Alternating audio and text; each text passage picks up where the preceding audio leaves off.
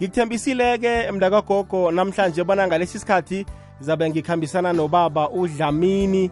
Sijeje indaba ekulu la yokwehlukana kwabantu ababili nezinto nje ezithize ezigcina zidale ukwehlukana kwabantu ababili ezingakatshejeki nakancane. Ngikhuluma nawe nje nginaye bunqopha ubaba ubakhe edlamini dlamini. Isakwamukela f m? Mandla mfowethu ninjani sikhona ah sivukile dlamini beyinjani imini yakho yanamhlanje I hectic uh, but mandla I'm always counseling uh, ama-couples uh, during the day therapy sessions and also individuals. Uh, ilanga lonke I'm always busy with that. It becomes hectic. Siyathokoza baba. Hayi babudlamini mhlawumbe umuntu nje othoma ukukulalela namhlanje akho sitshele nje kancane ngawe. Eh ubakhe Dlamini i-marriage therapist and family therapist. Eh in a private practice SMT so ngidila ngalezi sama-relationships eh i've got nginetincwadi letingu-five ngetincwadi letingu-five um yeah in general uh, family therapist uh, marriage therapist. Awuzwe-ke siyathokoza kuleyo ndawo. Eh babudlamini la siphethe indaba ekulu namhlanje. Siphethe indaba Yep, ekulu indaba yokwehlukana kwabantu ababili i-divorce. Mm. Nezinto ezigcine zibange ukwehlukana phakathi kwabantu ababili. Ngiyathemba bona eh, nebhayibheli nozima akakuvumi ukwehlukana kwabantu ababili ngoba kugcina kulimala abantu abanganacala kugcina kulibala abantwana Mm. kulimala imndeni eh ungasendlalela nje isihloko sisa namhlanje babudlamini. Eh kuningi kakhulu lokudala kwehlukana. Eh kwehlukana kuningi eh, i-rate ye-divorce iphakeme kakhulu. Eh bantu bayashada namuhla kunemishado kuhle eh but kusasa kuyehlukana. Eh angathi futhi mandla ngingene kiyo eh ngingene kulesihloko ngena baba. Eh, ungangena. okay number 1 ngicabanga ukuthi loku- lokulida ekwehlukaneni kakhulu. Kungatholi inakule kuthiwa i-premarital counseling. Eh i-counseling yekusitako ukuthi uconde ukuthi umshado yini. So labaningi bayangena eh uthole ukuthi abanalwadi eh kuyangenwa nje ukuthandweni then nasebalakhathi abati kokuthi ba- bahambe njani noma bamanyuve njani kulomshado lokho kuletha i-divorce learning kakhulu. Eh nokunye lengubonile kuletha umehlukano. Eh ake ngikhulume nganathi into leting two affection na respect eh luthando nekuhlonishwa. Eh emadoda eh, nekwendalo. Afuna i-respect. So la uthola khona ukuthi lo make eh ude inhlonipho noma kumhlonipha loyo babe loyo. Uthola kokuthi lokho kulida eh ku divorce ake ngibekise lo muntu angukuthi akuthi ukhuluma ngani babudlamini yini respect emadodeni? Uthole ukuthi kunamake eh lothethisa indoda noma uyayishaya leyo ndoda leyo. Noma uthole ukuthi akayiphekeli eh noma kungcolile endlini uyahlala nje make eh abuke netitsha tingcolile athi hey vuka baba vuka baba eh, phakama hamba ugeze titsha eh itivela le ndoda leyo ilulatekile noma ingahlonishwa. So le ndoda ithi ikhanda ithwala imithwalo ihamba then ke angibuyela ku ku affection elithandweni uthola ukuthi bomake labaningi bahlele emshadweni akunalithando.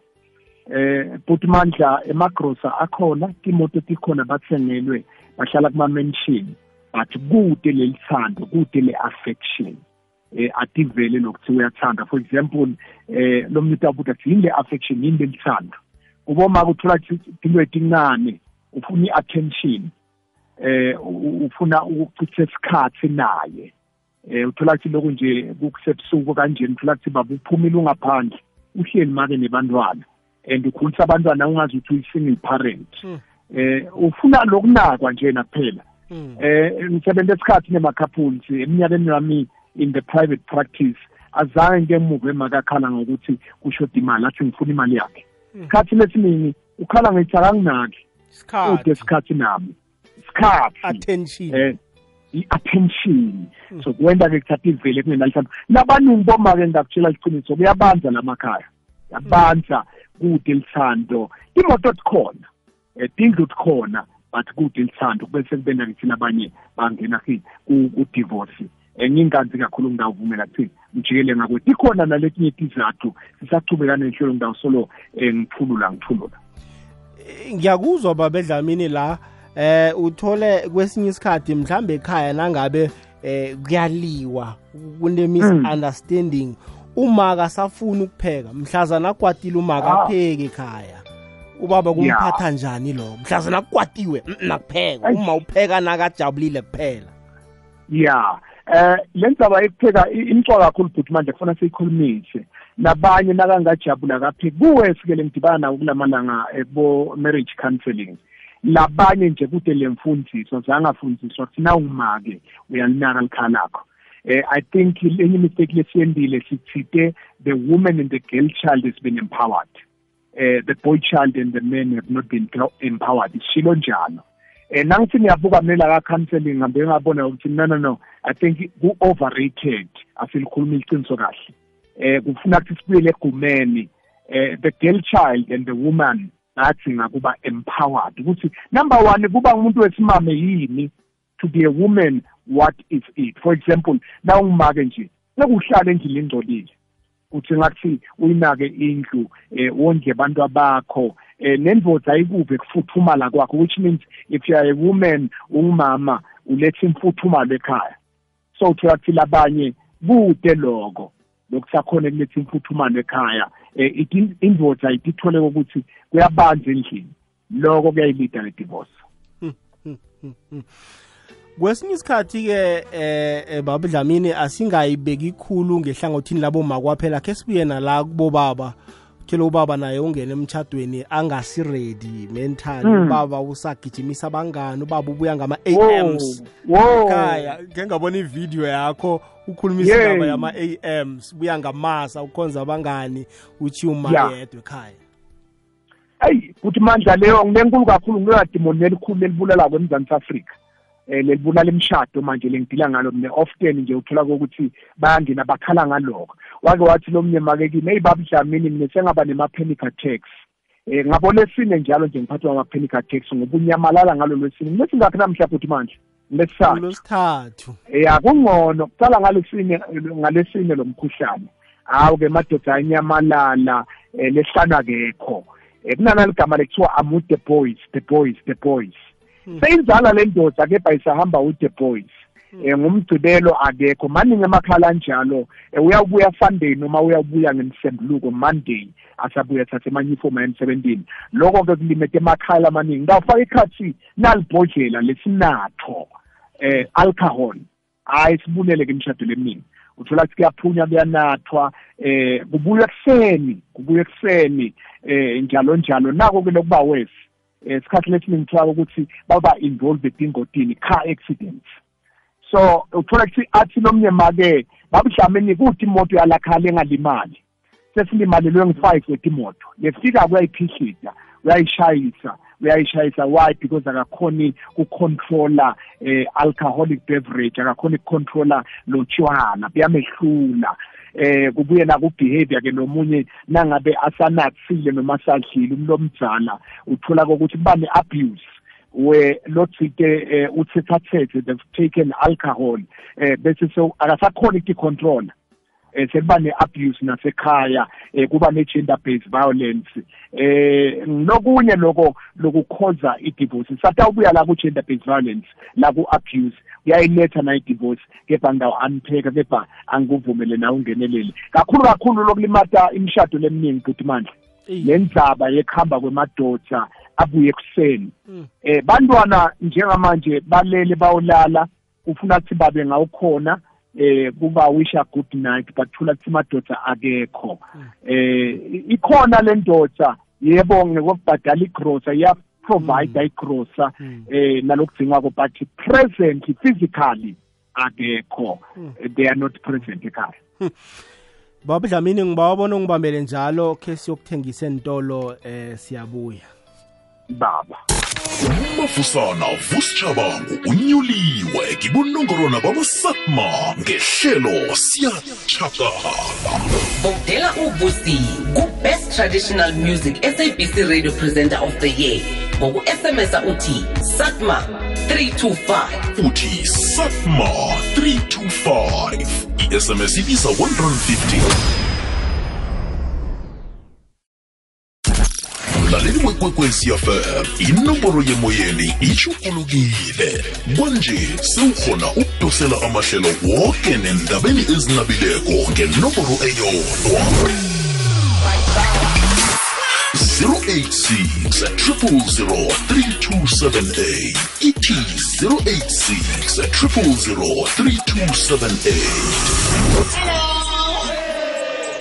lambala leyigwekwezi fm kukhanya bhayi bamachumi amabili mzuzu phambi kobana kubethe isimbi yechumi nanye. Namhlanje ngulosithathu bakwethu hayi sikhambisana nobaba ubakhe dlamini oyi-marriage therapist la weluleka abachadikazi weluleka abantu abasazokungena emtshadweni. Eh, ithomile isizini yemtshado. Ngiso-ke isikhathi nje sokubana ngabe ulalela leli hlelo mlalele kokwez FM uthi sowungena emtshadweni ukube nawe emkhumbulweni hayi uzilungiselele.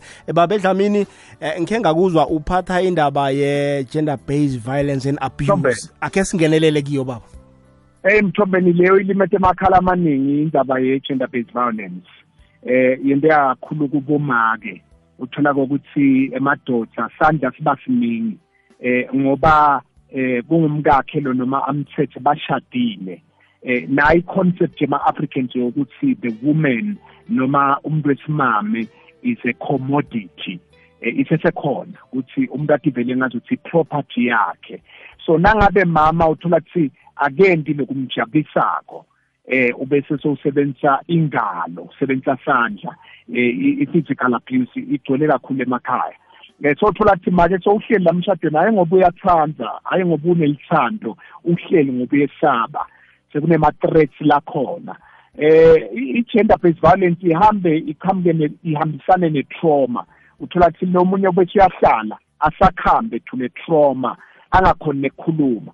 But lapho la uthola khona ukuthi khwalo nenhlanhla uyakhona kusakhulume eh, a-escape noma aphunyule. Eh so iyayilida to to i-divorce.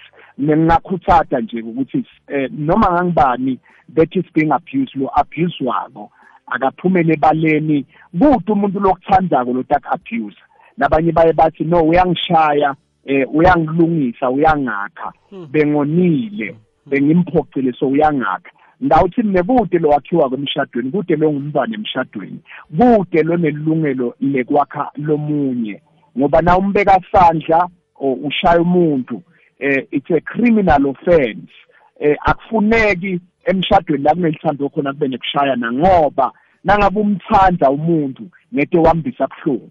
Ndawubeka eSouth Africa yonke nangabe umuntu akushaya akuvisa kuhlungu akukhalisa loyo muntu loyo akakuthandi.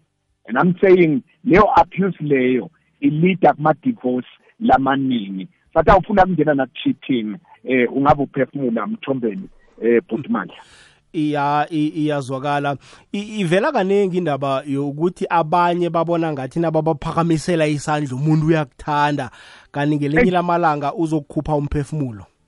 Ayishi baba yalimata kakhulu. Akwentiwe i'll repeat ndawuphinde kuthi umuntu okuthanda kobhutimandla lotakushaya kuvise ebuhlungu nangabe mina ngiyakuthanda njengoba ngikuthanda ungumfowethu kanjena eh kubeka sandla. Akusiyinkomba ethi ngiyakuthanda. Nangabe ngubeka sandla nguvisa buhlungu ngiyakukhalisa kwehlathi nyembedi angikuthandi ngitawuthini eh luthando into lenhle love is a beautiful thing.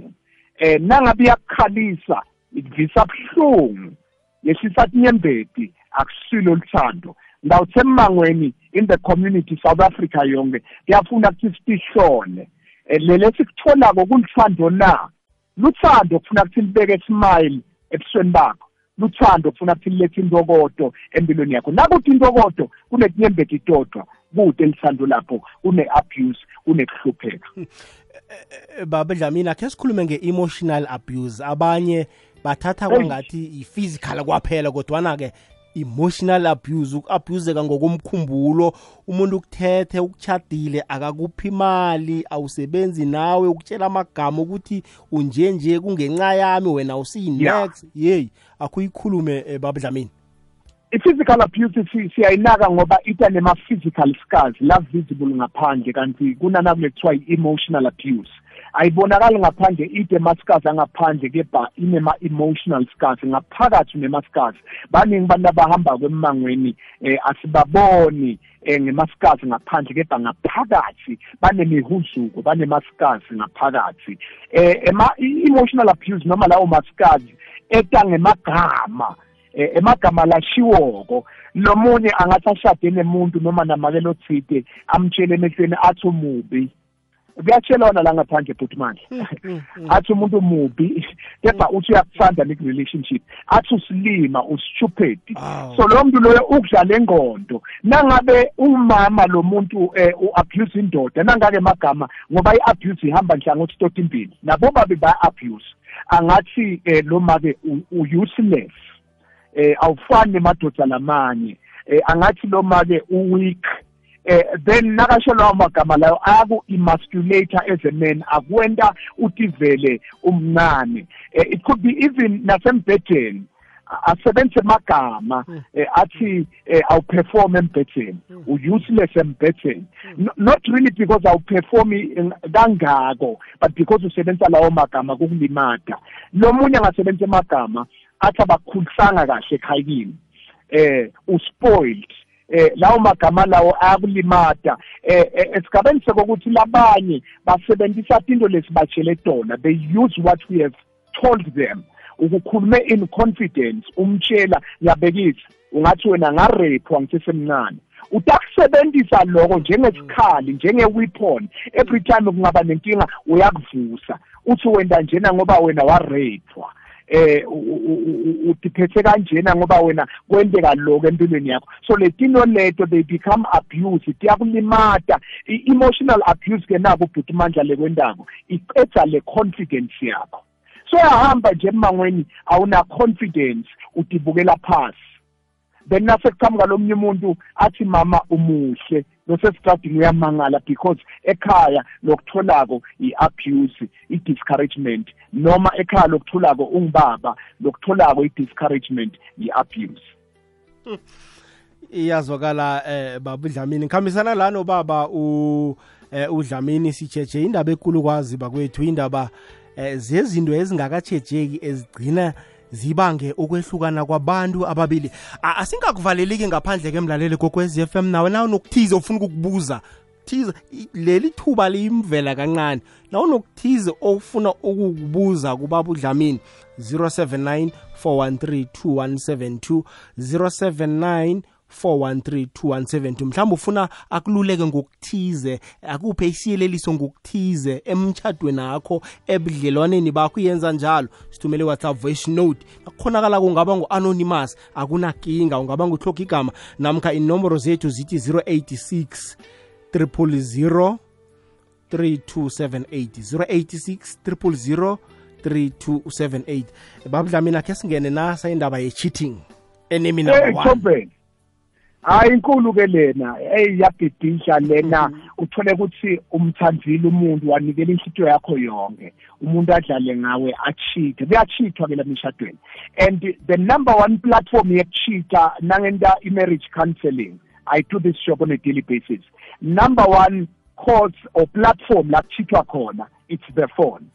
95% of times nabe ngene couple ithi uchithile eh, ubaba noma umama. Eh it's through the phone itholakala ecingweni. Eh umzala lomkhulu wale cheating noma le platform lesetshenziswa kakhulu WhatsApp eh WhatsApp akuyagangwa kakhulu.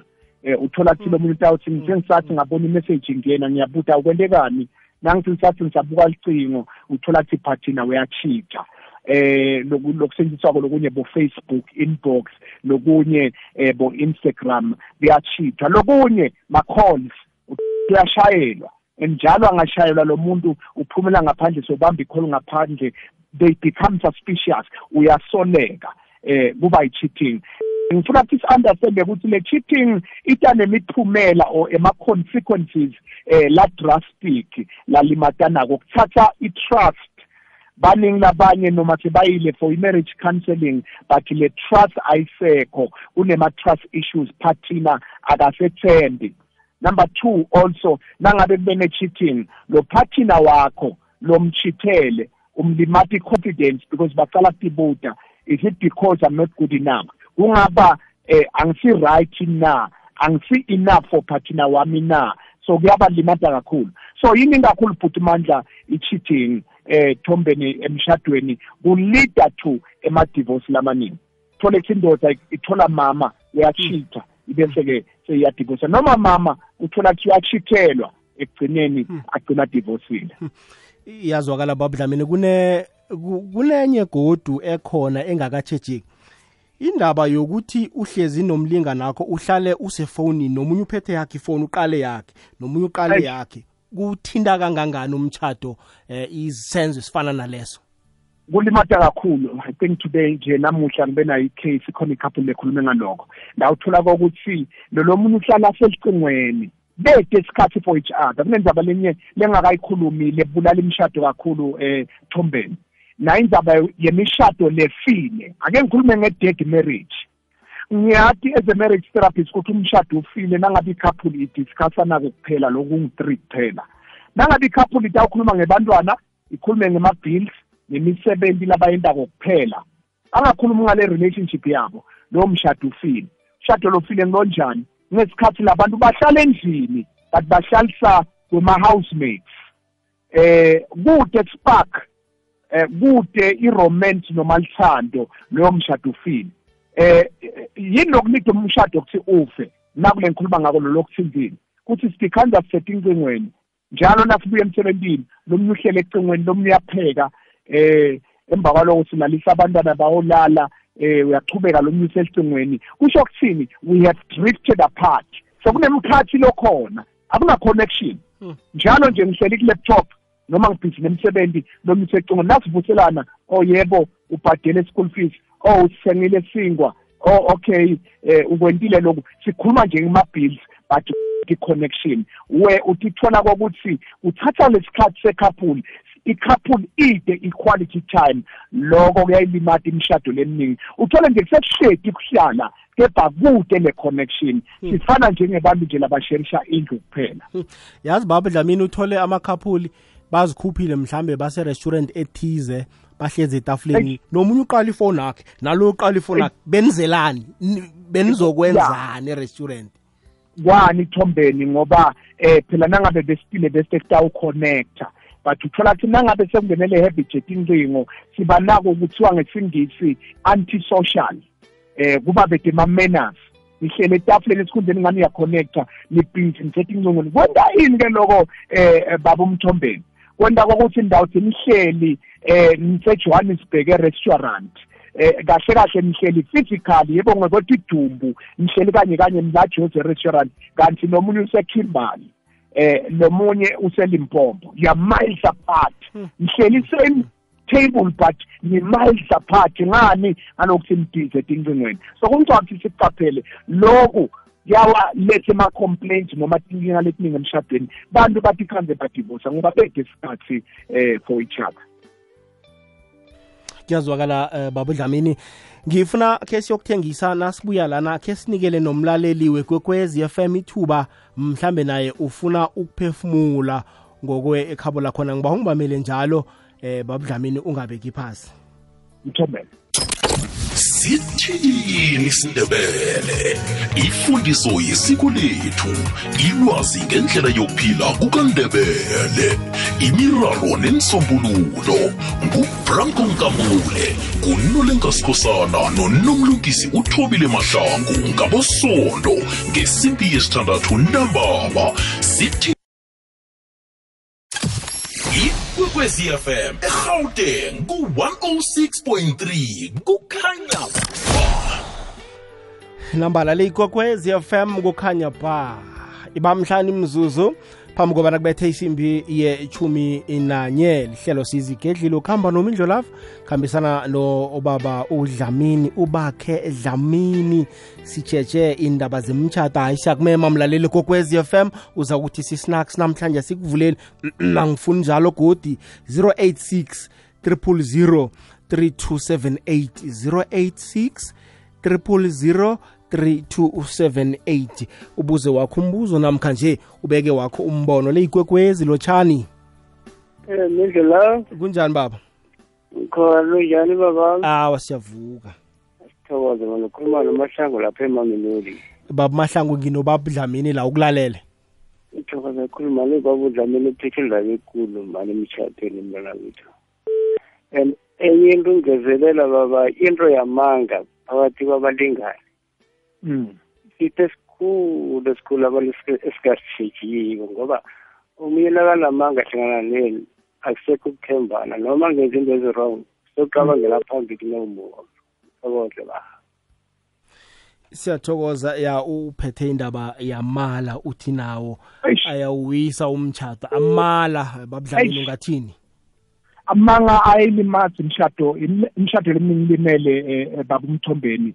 Eh aphume ngiyabekisa mamathi ngeyitolo kanti akayitolo uyebona umuntu. Eh iphume indoda ithi eh ngisaya emsebenzini eh kanti ayiye emsebenzini ibhizi naletinye tinto Eh, emanga labanye bafisha imali eh eh, akakhuluma iqiniso lo munye uthethe koneti eh akakhuluma iqiniso so discover lo munye ufunza late. Eh labanye yoyo yokunana lihlelo ekuthiwa itatakho mhlambe manga athi umntwana ngewakho kanti lo mntwana kasiwakho ukumbathisa lijazi ngiyawudiscover late sekwenza iminyaka samdala lo mntwana athi lo mntwana kasiwakho walenye indoda. Ukuyacanjwa emanga kakhulu and emanga ayibulala imshado. Lapho udiscover ke lamanga nayindzaba ukuthi liqiniso ngento walifihla. Uyahamba kuhamba liphumele baleni naliphuma leli qiniso uthola bese kuchuma idivorce. So ngiyabonga kakhulu eh kubabe lokhulumile ngendaba emanga iyazwakala le leyikwekwezi lotshani Yebo njani? sikhona kunjani mama Ngiyaphila. Eyi, yazi ukhuluma no-Anonymous ne? Pretoria. mm. Eh inkinga yazi ngini endlini sibhekezela nje because of umuntu uhlelene angakuphi imali angakuthengi uyawasha uyamphekela kodwa kubonakala. Mm.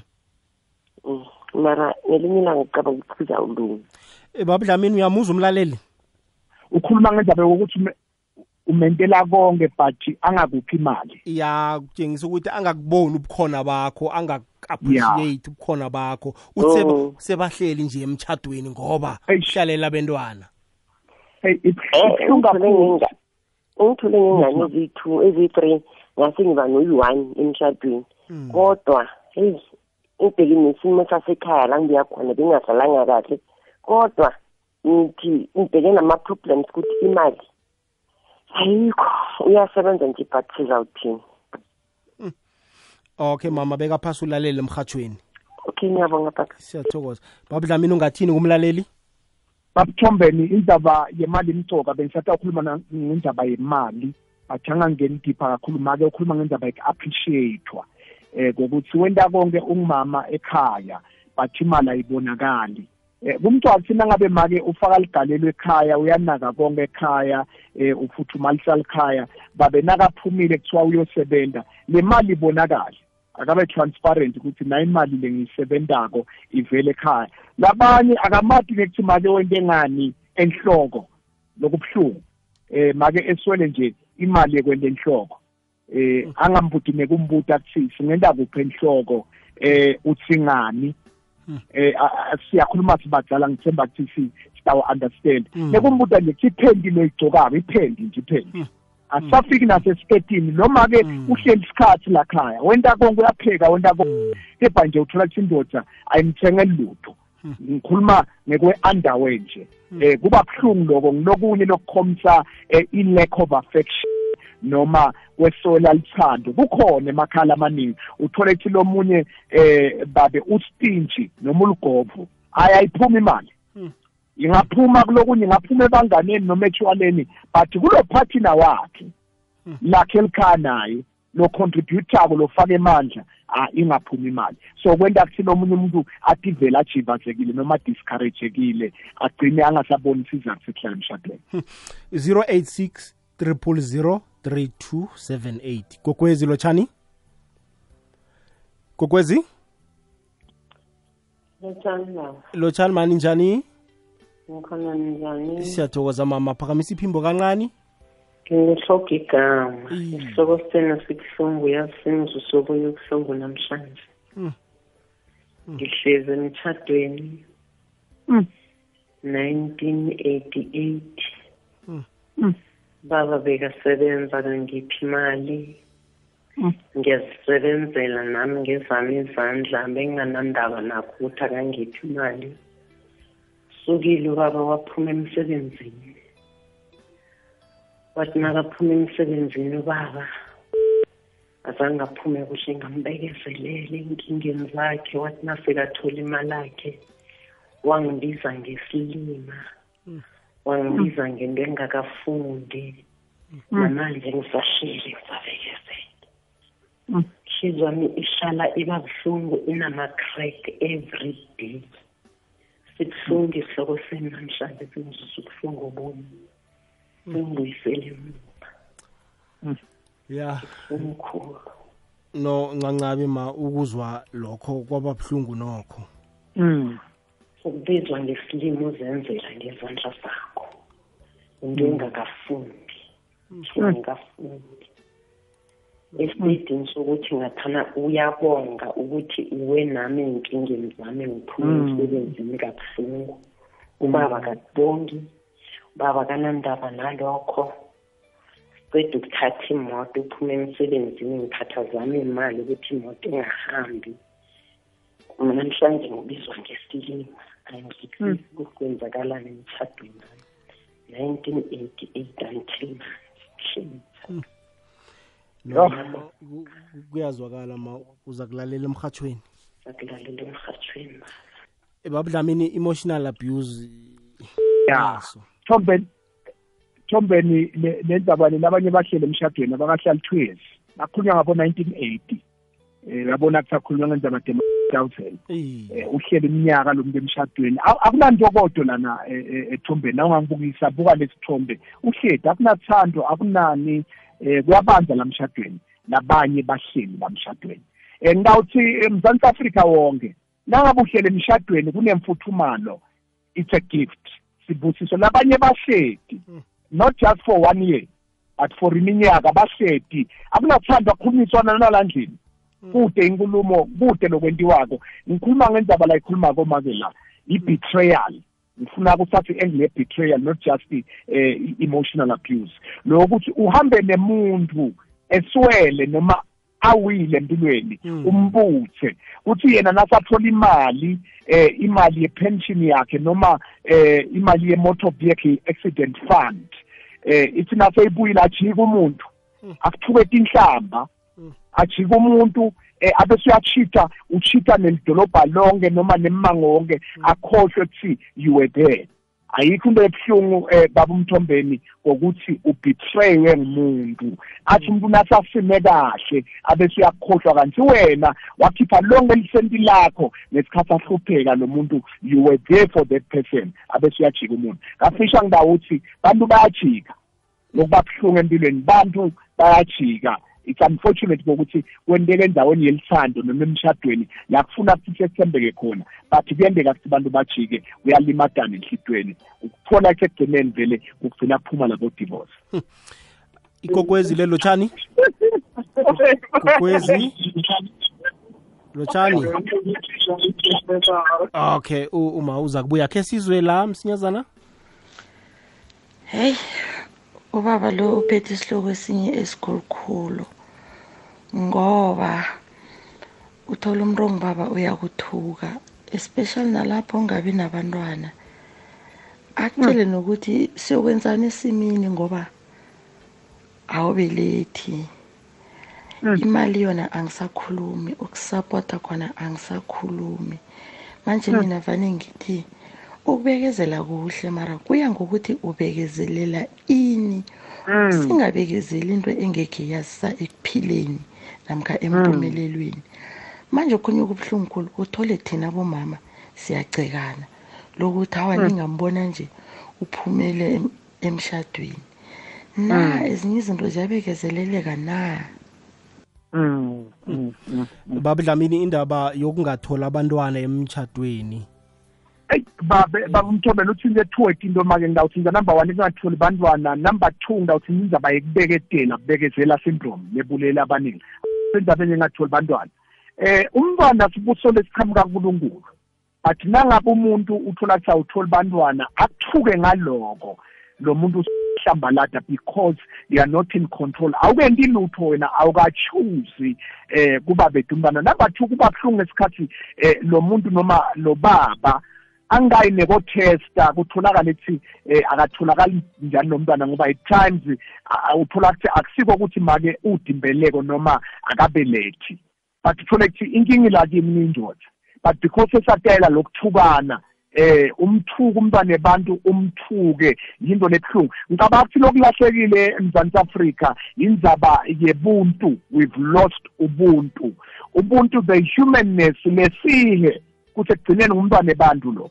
Wamthatha wathembisa abatali bakhe ethi uyomthanda kanti uyodlala ngaye uyohlala umthuka njalo njalo. Yinto lebuhlungu do unto others as you'd want to be done unto you. Yenda kulabanye njengoba ungafisa ukuthi eh kwenteke kuwe. Asengikhulume ngendaba yabekezela syndrome. Ukhulume ngendaba yekubeketela make kuthi ungabeketelelike namhla sikhuluma ngendaba ye-divorce ukuthi yini lokulida ku-divorce? Eh sisakhuluma ngaloko but kukhona lokubeketela ukuthi sibeketela sizama lokuvikela le divorce noma prevent i-divorce. But kulesi sikhathi emthombeni kufuna ukuthi sibe sound reasonable. Ukuthi kulesi sikhathi ngeke sayi-avoid i-divorce noma lesi sikhathi iyadzingeka le divorce ngoba labanye babeketelela lite ekugcineni bagcina six feet down the grave because solo babeketelele. Uyashaya lo muntu ekugcineni sigcine simluza. Lo munye emotional uyalinyata songesikhathi kunebuhlungu kude elithando lesi sikhathi kufuna kuthiwati when to let go. Ufuna kuthiwati when to walk away. Ufuna kuthiwati nangabe kufuna kuthi uyekelele udivorce. Beketela kuyadzingeka kubeketela.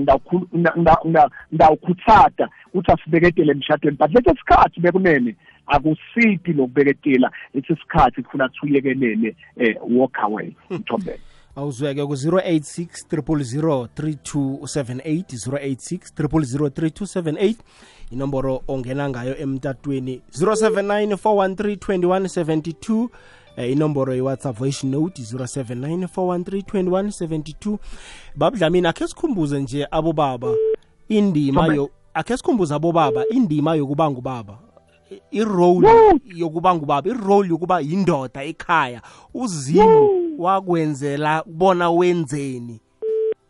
Hey Thombeni wathinta lenye phela lapha ususa lenye into lapha eThombeni eh u- u- unyikadisa emakhaya ngoba kunenkinga la. Bomama eh, bayafakwa egumeni bahlaliswe bafunde kusukela khula nje mama intombazane iyafundiswa. Ubopheka ke uyoshada ngalenye ilanga eh indoda iyahlonishwa eh indoda futhi ecansini bese ngakhuluma ngendaba ye-sex eh lesihloko lokhulume ngaso si-wide kakhulu. Ngeke sicethe namuhla. So indoda iyaniketwa i-sex in in in iyayalwa but asengibuye endzabeni yethu sibobabe. Kude thina la sihlaliswa khona. Siyalwe ukuthi i-responsibility yekuba indoda ngilokho. Lesikwati ko-many a times ukuthi nawe emshadweni batakuphekela eh bakuwashele baku-ayinele uhamba unaloyo mcondo nawe yongena emshadweni. So lokho kulimata emakhala amaningi. Asengikhulume-ke manje eh ngenzima noma ngerole yendoda ukuthi yini budoda. Ngawuthi kafisha thombeni budoda abudulile. Budoda nje akusikuphekelwa kudla nekuwashelwa. Budoda it's a serious call unto leadership. Yi-leadership noma call alikhaya kusho kusho umkakho akufune sole lithando as long as ukhona. Mina nje eh, nginamakwa kami nginangosikazi eh ngibhizi namhla ngibhizi ne-interview eh, ulalele njengamanje lokungikhuluma. Eh umsebenzi wami njengendoda is to put a smile on a face. Nangabe angajabuli yena eh ngehlulekile ku-assignment yami yebudoda ngishilo ngathi eh i-responsibility yami number one is to be a leader in the home. Kufuna kuthi lo babe alid asethe itone nalakhaya. Nangabe kutaba netone yekuthula noma yelisando noma yentokodo noma yema-finances ye-prosperity kufuna kuthi babe alide letinto leto kumcoka eh indoda lenye responsibility yakhe ngokuthi abe yi-protector avikele makhe. Nangabe indoda yento umsebenzi wayo make udivela avikelekile. Kusho kuthini? Number one uvikelekile etigebengweni uvikelekile ku-crime indoda yento asho ukuthi make uhlala la kusafe khona. Yento asho ukuthi make akashayela imoto lelimele lenebungoti. Yento asho indoda kokuthi make akahlukubedwa bakibo ngikhuluma ngema-in-laws manje. So indoda iyamprojecta umkayo. Um angime lapho thombeni ngoba ngingasolo ngiqhubeka ngisolo kuchubeka ididu ne-responsibility yekuba indoda. Akusinje kuphakelwa kudla noma kuwashelwa it's to lead iyazwakala baba. Ah kunombuzo la engiba nawo. Kwesinye isikhathi abobaba bayazama ukulida uthole ukuthi uma akafuni ukulandela ubaba ngendlela amlida ngayo akafuni. Akamboni ubaba njengelida ubaba uyazama uyalida ubaba unevision ubaba unombono. Uma uthi angilapho ufuna ukuthi ngiye khona. Ngiyabonga thombeni ngiyabonga songiyise lapho engifuna kuya khona nangithi ngiye manje ngithatha khoma lapha. Songiyisa lapho engifuna kuya khona originally. Ake sithathe lapha embhalweni encwadini lengcwele eh uthi Ephesians 5 verse 22 uthi bomama thobelana amadoda enu njengoba ibandla lithobela uKristu. Ayigcini lapho. Ithi bobabe thandzani bomkenu njengoba Kristu wathanda libandla watinikela. Kusho ukuthini manje? Umsebenzi wamake noma i-responsibility eh yamake uthobela indoda yakhe. Then umsebenzi wababe kuprovide alithando kumake.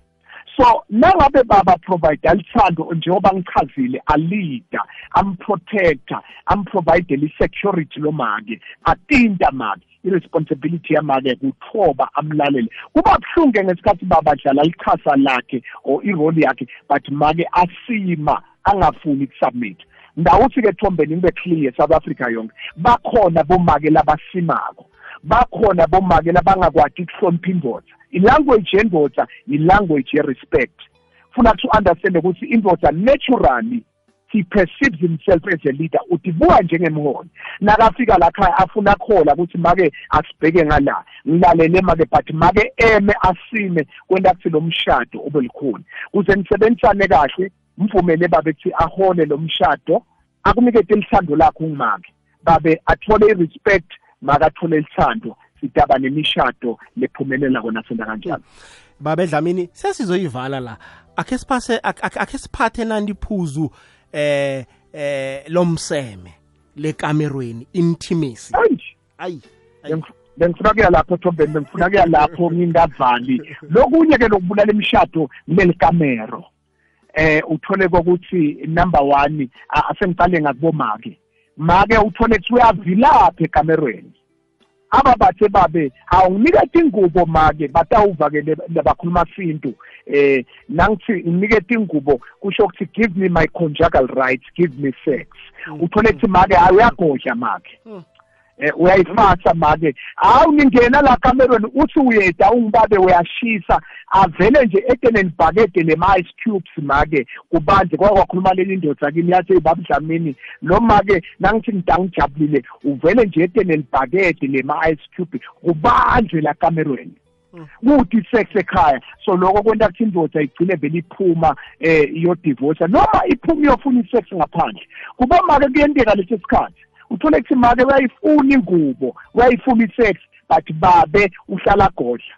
Many a times ke nakwenteka bobabe kuthi uthole ukuthi uyagodla kamane agodle babe ngoba imvamisa thina si-hypersexual. Nangabe uyagodla babe uthola ukuthi number one uphathekile uthola ukuthi kunetifo dabushukela but ngithi mina noma ngabe kunetifo letikhona hambani niye emtholampilo hambani niye esibhedlela ningasicakala nithole ne-counseling. Um kuyathi ngathi likamero lifuthumale. Eh lokunye lokwenta sibobaba uthule ukuthi baya-avoid i-sex akasamniketi i-sex. Uthola ukuthi kukhona la kadla khona ngaphandle. Nangababhizi ngaphandle ubethe ubabethe interest yekuba busy ekhaya. Nevertheless akusiblame anyone. Indzaba yekudeprive partner wakho sex atholi sex uyalibulala likhaya. Ngawuthi South Africa yonke eh nangabe sekuthi sex kulelo khaya hambani ithola lifuthumale likhaya akube busy kwakhiwe emakhaya. Sex is necessary in a marriage. Nakuthi sex ufile umshado. Babudlamini la bayalila aboma abaningi um aboma nabo sebayasebenza amalanga la. Nangiphuma-ke ekuseni siphuma soke sibuya soke entambama eh dlamini? Baba.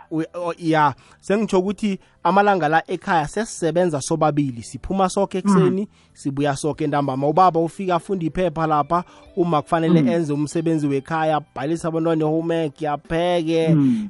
ayine ageze izitsho ubaba soloku uhleli lapha ubukela i-tv nakasoka la ubaba ayokufuna umseme uma athi mina ngidiniwe. Ungathi ngezinto ezenzeka ekhaya ngokuthi amadoda asize ekhaya asize aboma mthombeni ngiye ngikhulume kakhulu ngaloko ukuthi bobaba kuyadinga ukuthi baside kuba buhlungu ngalokho vele sonke siyavuka siye emsebenzini eh siyasebenza sonke akusafani nakadeni bomake bebahlala ekhaya.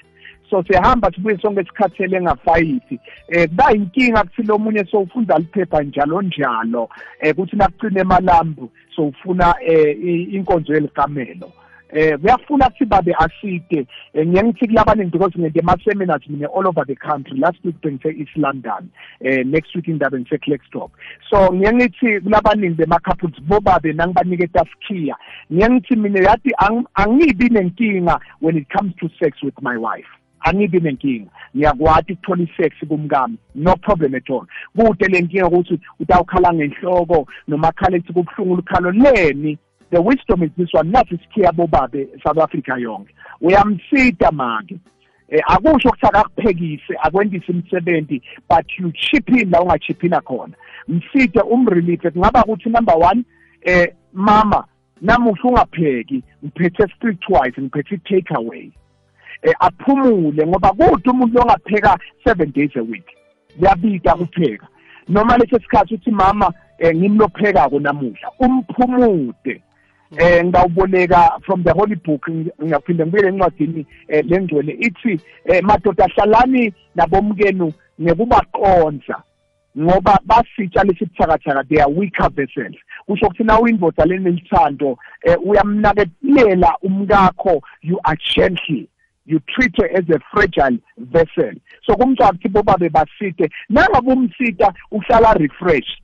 Naka-refreshed utawuthola kokuthi awubi nenkinga ngale ngasekamereni kepha mthombeni nangumyalo manje mm. akasuthi babe nakasite ekhaya bese makuthi advantage. Athi make ufike la bengikufuna khona. So yahlala make dehle. Akasagezi ititsha akasapheki. Ngoba uthini? Uthi umthombeni nababudlamini doda akayosita ekhaya. Asisho ukuthi phumane emadoda enu. Ngoba na utamthuma uthi geza abantwana. Uthamba opheka yise wathabiso lokho kutawumenta athi vele alulatekile noma adisrespected dlala indima yakho njengamake njengemfati ekhaya but babe akasithi nibakhuthatha emadoda sitani bomkenu kepha bomake emakhaya abayidlale iphathi yabo emakhaya. Likhaya lakho make alifuthumale. Eh ungamthola sisi lo sitako lokuhlinako kepha bowati ukuthi eh the house noma the kitchen is your place. Naka likhala lakho naka abantu bakho naka umyeni wakho. Ikokwezi lotshani? Awona nganibukile sivule njani ma? Ngingixoxa igama nami iye. Baba njengoba uyakhuluma ayikho into ebuhlungu ukuhlala nomuntu ngendlini angena abuye emsebenzini abeke inkhoma zakhe lapho uthole uphekile umbekele namanzi okuqopha atere akakhulumisi uhlezi nefoni sofonini nangiceda ukudla ngiyazinisela iye ngekamereni nangingena ngekamereni uba uthi uyangena wena mhlawumbe usacima ubaba olala angazi ukuthi umnyango uvaliwe. Lento leni uthi ubaba fanakabe umuntu onjani. Ukhona bobaba bangazi ukuthi baba ubaba ulala umnyango ungakavala wena ungumama fanele kuyokhima iminyango nawuceda ukhima iminyango uthi uyangena ekamereni uphethe ifoni hmm. nakaphethe ifoni nakukose ukuthi ngikane ziyeke ifoni ezo sekayahona hmm. angazi ukuthi yazi ngigive upile baba ngaphuma ungiphushele endweni eziningi ngibekezelile twenty years. Hmm, hmm, hmm. Twenty years okay anginandaba nemali imali ayi- ayithengi thando net ukuthi yena a- afake ubaba lo uthi a smile on your face. I never had a smile on my face. And when mina bekuyimove ngingenasengitshato yo baba kubuhlungu. Uhlala nomuntu onganathando no ya. Ma engilalele siyathokoza emhathweni baba. Ngi- ngibuhlungu la ngikhona.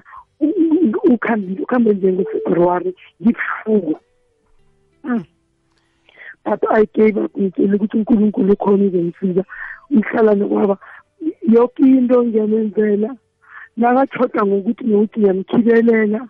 Ma- akakuboni konke lokho ni- u- ubone ngithe ngibuye emberegweni ngathola thatha impahla zakhe zoke. Akana-communication akuka-communication noma ngabe kunento erongo oyibonako mahlala phasi naye khona uzophendula ngendlela ongayitholi u baba yezithanda kunzima mina ngiyathokoza khe ningitshele eish okay mama.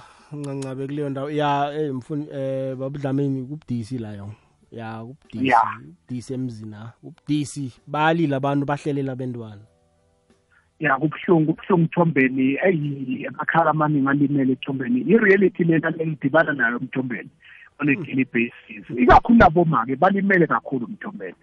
Eh ye bakhona emadoda alahluphekile but-ke ngiyawukhuluma ngisikuna nakulo kuthiwa i-male privilege. Eh i-culture yethu iyasupporta thina madoda ahluphekile labo make ntombeni nawuvama kathi ngihleli 20 years.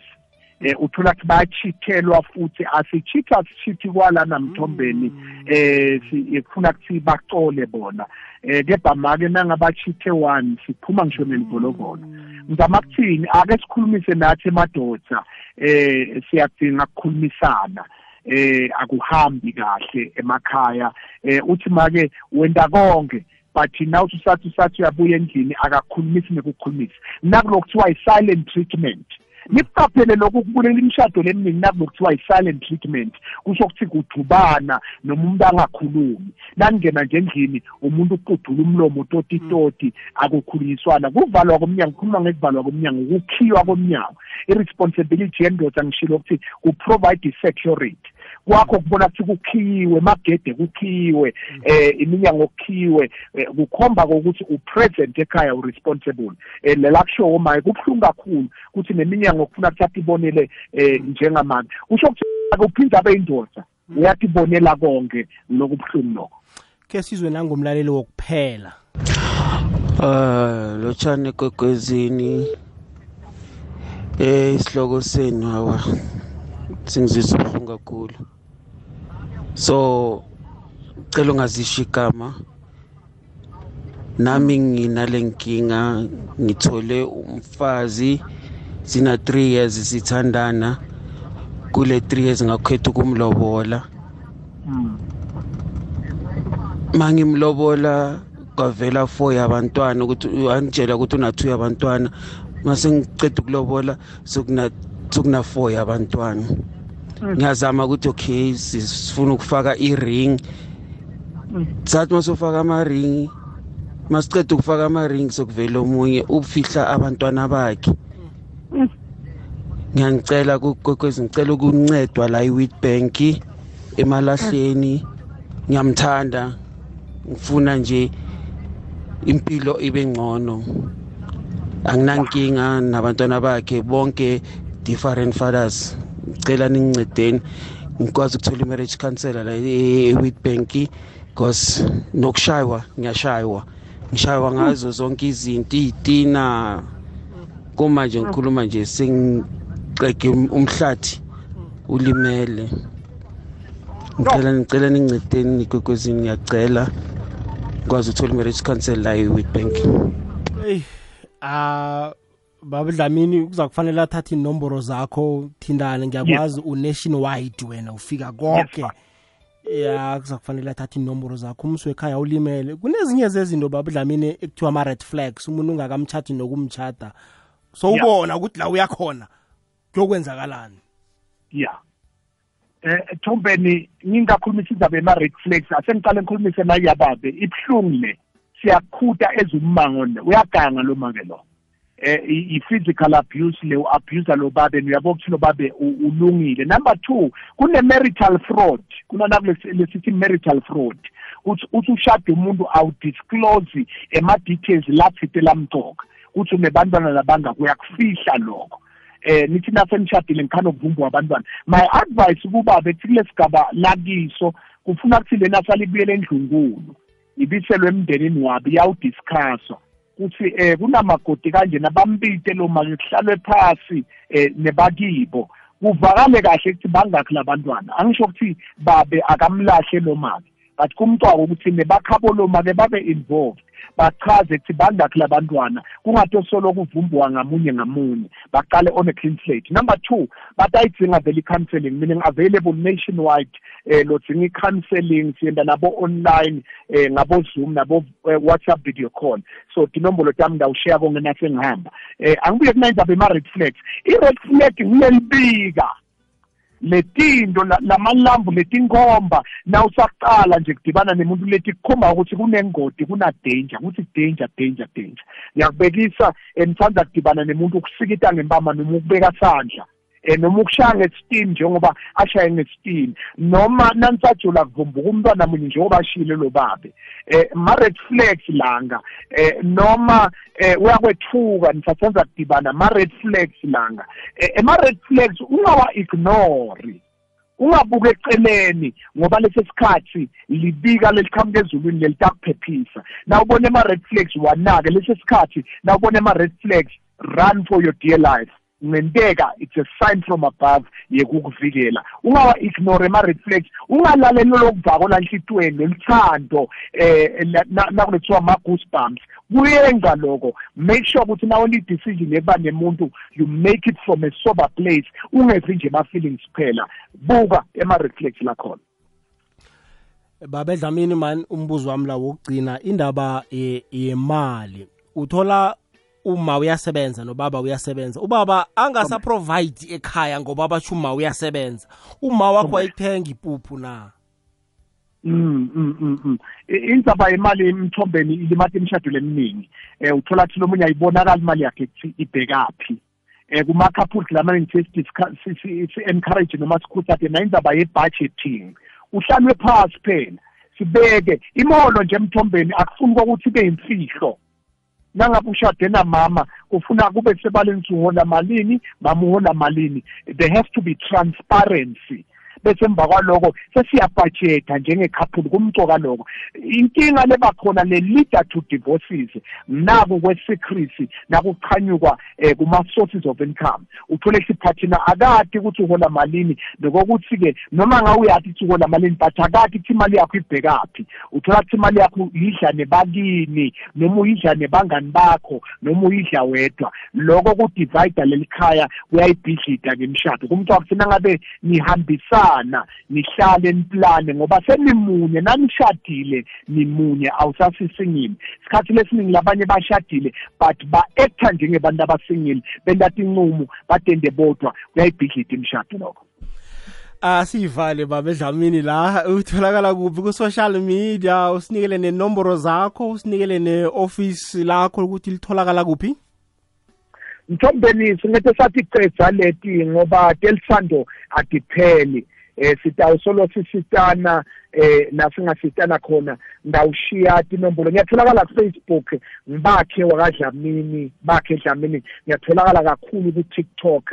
Eh ngubakhe dlamini naku-tiktok. Iwebsite yami utawuthi eh bakhe dlamini dot com. Ngiyatholakala eh ku-whatsapp. I-whatsapp number yemsebenzi nangabe uthi ngi-counseling nayi. Ithi zero seven three zero four nine two three 42 angibizele iphindi WhatsApp yasemsebentini.